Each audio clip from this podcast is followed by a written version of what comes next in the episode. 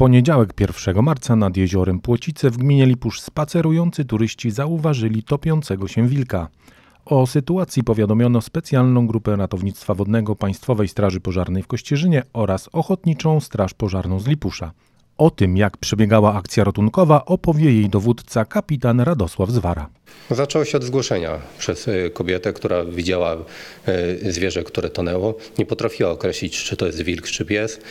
W ramach y, dysponowania przez tutaj dyżurnego jednostek na miejscu się pojawiła pierwsza jednostka Ochotniczej Straży Pożarnej w Lipuszu, która próbowała zlokalizować miejsce tonięcia wilka i określenie faktycznie typu zwierzęcia.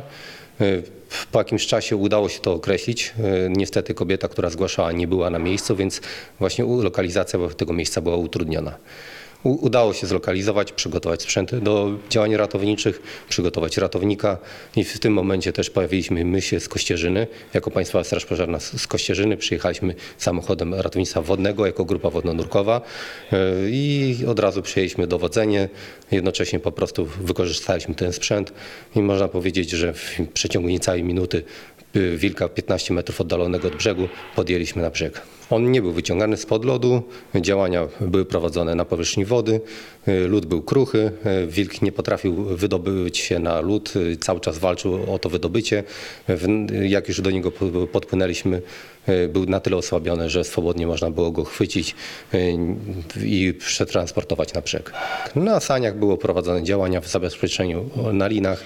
Gdyby ewentualnie zagrażał nam jakkolwiek i by był na tyle silny, byśmy próbowali same sanie mu podłożyć, żeby ewentualnie wydobył się na sanie i wtedy byśmy go transportowali na samych saniach. A tak po prostu ratownik chwycił go i przetransportował po tych saniach. Po wydobyciu na brzeg e, staraliśmy się jak najszybciej udzielić mu pomoc. W całej sytuacji było, że wilk walczył o to życie, starał się po prostu podjąć e, czynności życiowe. E, Od, razu przystąpiliśmy do podania tlenu, wysuszenia go i uciskaliśmy klatkę piersiową tak, żeby po prostu właśnie też wydobywała się z niego woda, bo był mocno opity wodą. Udrożniliśmy troszeczkę drogi oddechowe, jednocześnie zabezpieczając głowę tak, żeby po prostu y, gdyby ocucił się, nie zagrażał nam. E, Działania początkowo wydawały się bardzo skuteczne. E, Wilk zaczął e, delikatnie ruszać łapą, głową, nawet warczeć na nas, ale w wyniku wycieńczenia tak dużego i prawdopodobnie opicia wodą, która cały czas wypływała z niego, niestety po prostu dalsze czynności prowadzone przez nas coraz bardziej były miarodajne.